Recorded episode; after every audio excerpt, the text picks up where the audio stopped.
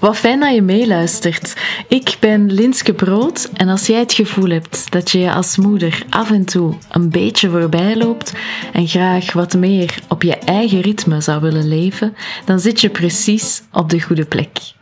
De meeste mensen kennen mij als coach in de Antwerpse natuur of hebben online een van mijn trajecten gevolgd. In deze podcast neem ik je mee naar een wereld waar moeders ruimte vinden om te doen wat ze echt graag willen doen, terwijl ze evengoed met veel liefde blijven zorgen voor wie ze graag zien. Samen bekijken we wat daar dan voor nodig is, zodat jij straks zonder schuldgevoel grenzen kan stellen en moeiteloos op je strepen durft staan, terwijl je tegelijkertijd stralend door het leven loopt en je van je mildste, charmantste kant laat zien. Vandaag wil ik het met jou hebben over nieuwe gewoontes en hoe je er stap voor stap voor zorgt dat die dromen en goede voornemens, die nieuwe gewoonten, werkelijkheid worden in plaats van een mislukking.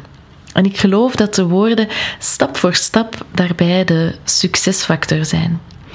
Wie mij al een tijdje volgt, weet dat ik niet zo fan ben van vol een bak blijven gaan, gaan, gaan.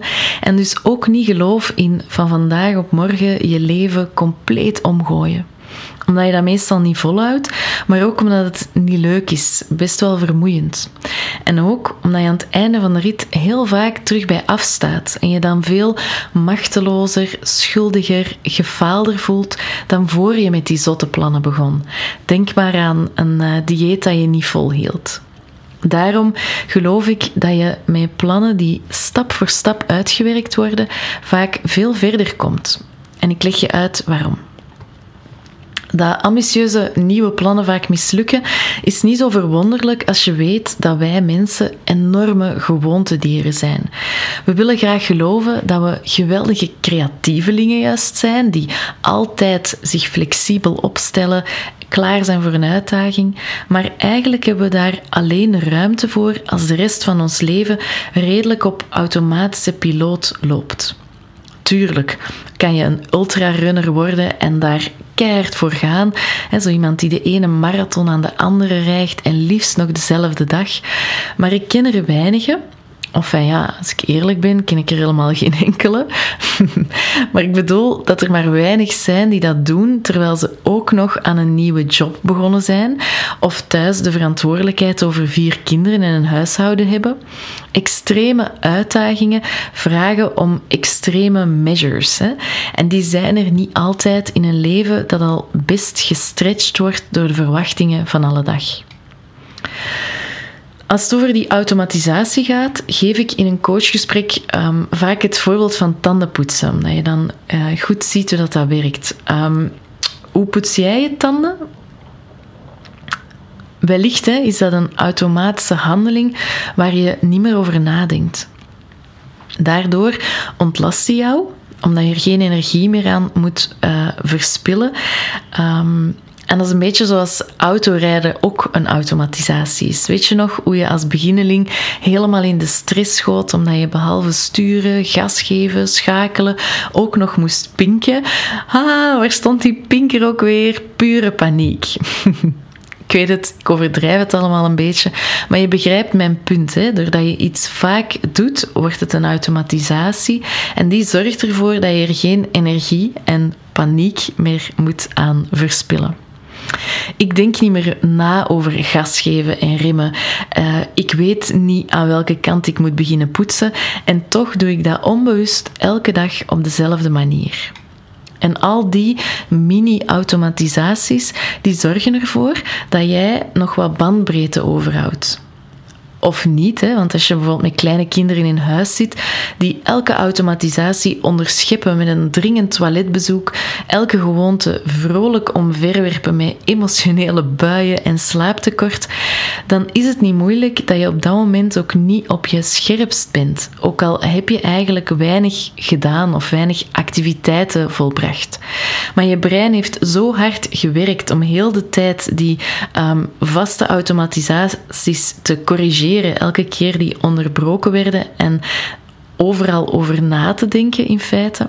Ehm, Dat bijvoorbeeld hè, zelfs douchen met een pasgeborene um, plots hè, een heel draaiboek uh, nodig heeft om, om ertoe te komen. Terug naar stap voor stap. Want al die automatisaties die zorgen ervoor dat jij nog een beetje bandbreedte overhoudt.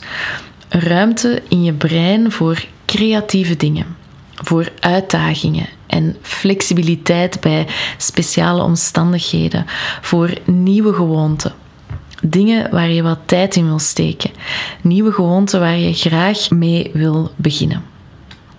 En dan kom ik bij goede voornemens. Want als je, als je een beetje bent zoals ik, of degene die ik coach in de natuur, dan heb je om de paar weken wel eens een moment waarin je plots superveel zin hebt om het roer om te gooien. Goede voornemens hebt waar je eindelijk werk van wilt maken, gezonder gaan leven, beter voor jezelf zorgen, het huis opgeruimder houden en de was echt gaan bijhouden meer tijd met je kindjes doorbrengen of net vaker een date night met je lief plannen allemaal dingen die dan oppoppen. Um, je legt je focus op die nieuwe plannen, vliegt erin, vol goede moed, want zo gaat dat met voornemens. En ik kan zelfs een beetje raden wanneer je ze stelt. Want elk jaar in januari hè, um, gaan we er massaal voor en maken we heel veel goede voornemens. Maar daarnaast heb je ook elke maand diezelfde drang om aan iets nieuws te beginnen. Dat is hormonaal zo geregeld, wist je dat? In de folliculaire fase van jouw cyclus um, wordt er een nieuw eitje gemaakt. Tijdens je menstruatie ben je het vorige eitje kwijtgeraakt, omdat, omdat het niet bevrucht was. En nu probeert je lichaam het opnieuw. Want jouw cyclus is zo opgebouwd dat je elke maand weer probeert zwanger te raken. En om je een beetje te enthousiasmeren, krijg je dus elke maand rond die periode heel veel zin in nieuwe dingen. Zin in een nieuw kind, maar dus ook zin in nieuwe uitdagingen en goede voornemens. Voel je dus niet slecht als je daar twee weken later al een stuk minder zin in hebt. Want dan is je lichaam namelijk bezig met het nesten van een vruchtje of het afvoeren ervan, als je niet bevrucht werd. En gaat het juist op zoek naar vaste grond, naar veiligheid, naar rust. En dan kunnen die nieuwe plannen eigenlijk hormonaal de boom in. Dan wil je koeken eten in de zetel en een beetje gerust gelaten worden, zo dat gevoel. En dan verdwijnen die goede voornemens weer in de vuilbak. Heel frustrerend als je het zo bekijkt. Tenzij je er tijd voor neemt en de dingen zoals ik daar straks voorstelde, stap voor stap aanpakt. Niet te veel hooi op je vork nemen en zonder moeite stapje voor stapje vooruit zetten. Je begint hè, aan het begin van je cyclus als je helemaal enthousiast bent en zet dan een paar stapjes terug. Wil je elke dag je bekkenbodemspieren tien keer trainen, dan spreek je met jezelf af, een paar stapjes terug, dat je eigenlijk al goed bezig bent als je elke dag drie keer oefent. En dan ga je stap voor stap aan de slag. Want ook als je een dipje krijgt zo rond je menstruatie, is drie keer oefenen nog best wel realistisch. En als je tijdens je menstruatie echt geen zin hebt, kan je daarna toch terug herbeginnen. Want je hebt al een hele periode drie keer geoefend. Dat kan je doen zonder je slecht te voelen, want stap voor stap brengt ook vooruitgang. Dat is mogelijk een uh, rechtstreekse herinnering aan mezelf, maar daar kom ik dadelijk nog op terug. Want je bent dus bezig om een nieuwe gewoonte aan te leren. Niet om jezelf te kastijden um, met hoge verwachtingen die je dan niet gehaald hebt, omdat je niet Miss Perfect bent de hele tijd, die continu heel veel alles goed wil doen. Je oefent, je probeert, je staat op als je struikelt en je geeft jezelf tijd. En dat kan alleen als je kleine stapjes zet. Stap voor stap dingen beetje bij beetje oefent. Je focust op één ding en niet op alles tegelijk. Want het moet realistisch zijn om vol te houden. Ook als je alleen maar in de zetel wil hangen en koeken wil eten. Ook als er een kind onverwacht ziek wordt of jij langer moet werken dan gepland. Geef jezelf wat marge voor moeilijke momenten en je zal versteld staan van wat je allemaal kan bereiken op een jaar.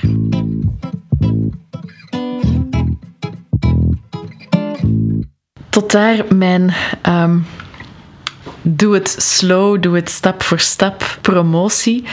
Uh, want ik weet ook hoe jouw brein werkt als je zo gemotiveerd bent. Hè. Op het moment dat je die goede voornemens stelt, dan kan je de wereld aan. Dan ben je super gefocust op je doel en wil je er juist wel keihard in vliegen.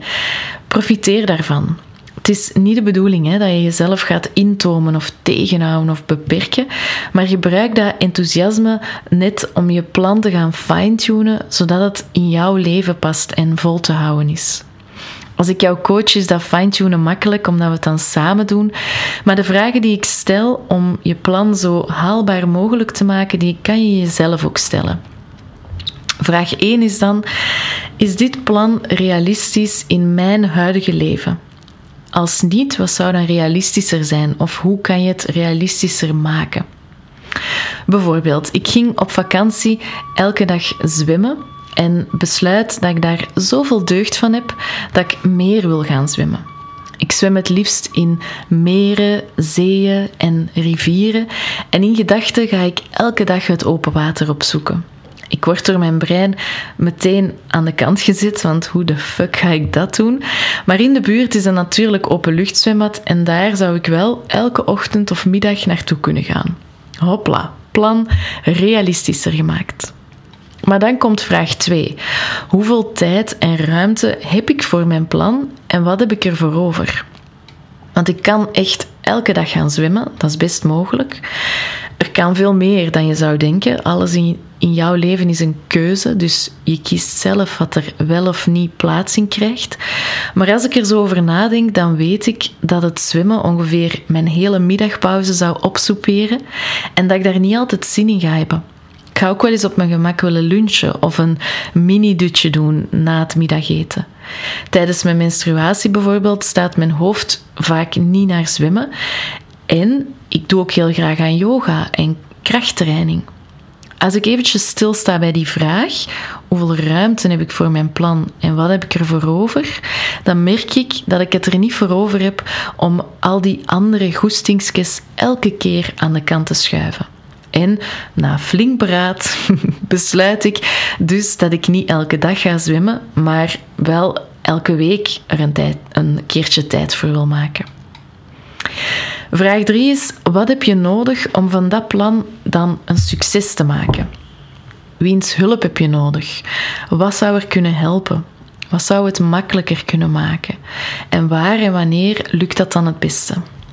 In mijn geval bijvoorbeeld weet ik dat de drempel om te gaan zwemmen het laagst is als het mooi weer is. Ik zoek daarom de eerste openingsuren van het openluchtzwembad op, zet die in mijn agenda en maak er ook alvast een wekelijkse herhaling van in mijn agenda vanaf de lente. En ik spreek met mijn man af dat hij die dag de kinderen oppikt, zodat ik wat langer kan doorwerken en rustig de tijd heb voor die langere middagpauze. Die kleine dingen die zorgen ervoor dat dat zwemmen er ook echt van kan komen en het niet blijft bij één enthousiaste zwembeurt die daarna een verre herinnering wordt en toch ook een beetje voelt als falen omdat ik er weer niet in geslaagd ben om iets vol te houden. Dus ik uh, vat nog eventjes samen. De drie vragen die je jezelf wilt stellen is één: Is dit plan realistisch in mijn huidige leven? En als niet, wat zou dan realistischer zijn of zou het realistischer kunnen maken? 2. Hoeveel tijd en ruimte heb ik nodig voor mijn plan en wat heb ik ervoor over? En 3. Wat heb je nodig om van dat plan een succes te maken? Wiens hulp kan je dan gebruiken? Wat zou er kunnen helpen of het makkelijker maken? Waar en wanneer lukt dit het beste? Hou ook in je achterhoofd dat er um, onderweg nog ruimte mag zijn om te fine-tunen. Zo wilde ik onlangs dus mijn bekkenbodemspieren trainen, omdat ik merkte dat ze niet zo sterk waren als ik zou willen. En ik had de opdracht gekregen om tien keer per dag te oefenen. Ik begon met goede moed, maar na een paar dagen merkte ik dat mijn spieren er precies op achteruit gingen. En ik besefte dat ik ze had overbelast. Ik was niet stap voor stap begonnen en had dus zwaar gefaald. Enfin ja, zo kun je dat dan bekijken. Op dat moment kan je de handdoek in de ring gooien en zeggen: Voert, dat wordt hier niks. Ik heb weer al overdreven. Maar je kan ook dat moment aangrijpen om te gaan fine-tunen. om te kijken hoe je het beter kan doen. Ik besloot om mijn eigen advies wat consequenter te gaan volgen en mijn trainingen meer te gaan opbouwen. Door om te beginnen één keer per dag te oefenen en als dat goed gaat twee keer en drie keer om zo bij die tien keer uit te komen. Ik besloot ook hulp in te schakelen van een kinesist, want je hoeft het niet altijd alleen te doen. Daarom heb ik ook Spark Your Flow gemaakt. Omdat ik weet hoe moeilijk het is om voor jezelf te zorgen en tijd te maken voor wat dat jij belangrijk vindt. En om dat vol te houden en er een vaste gewoonte van te maken waar dat je je niet schuldig over voelt of moedeloos van wordt omdat er maar niet van komt.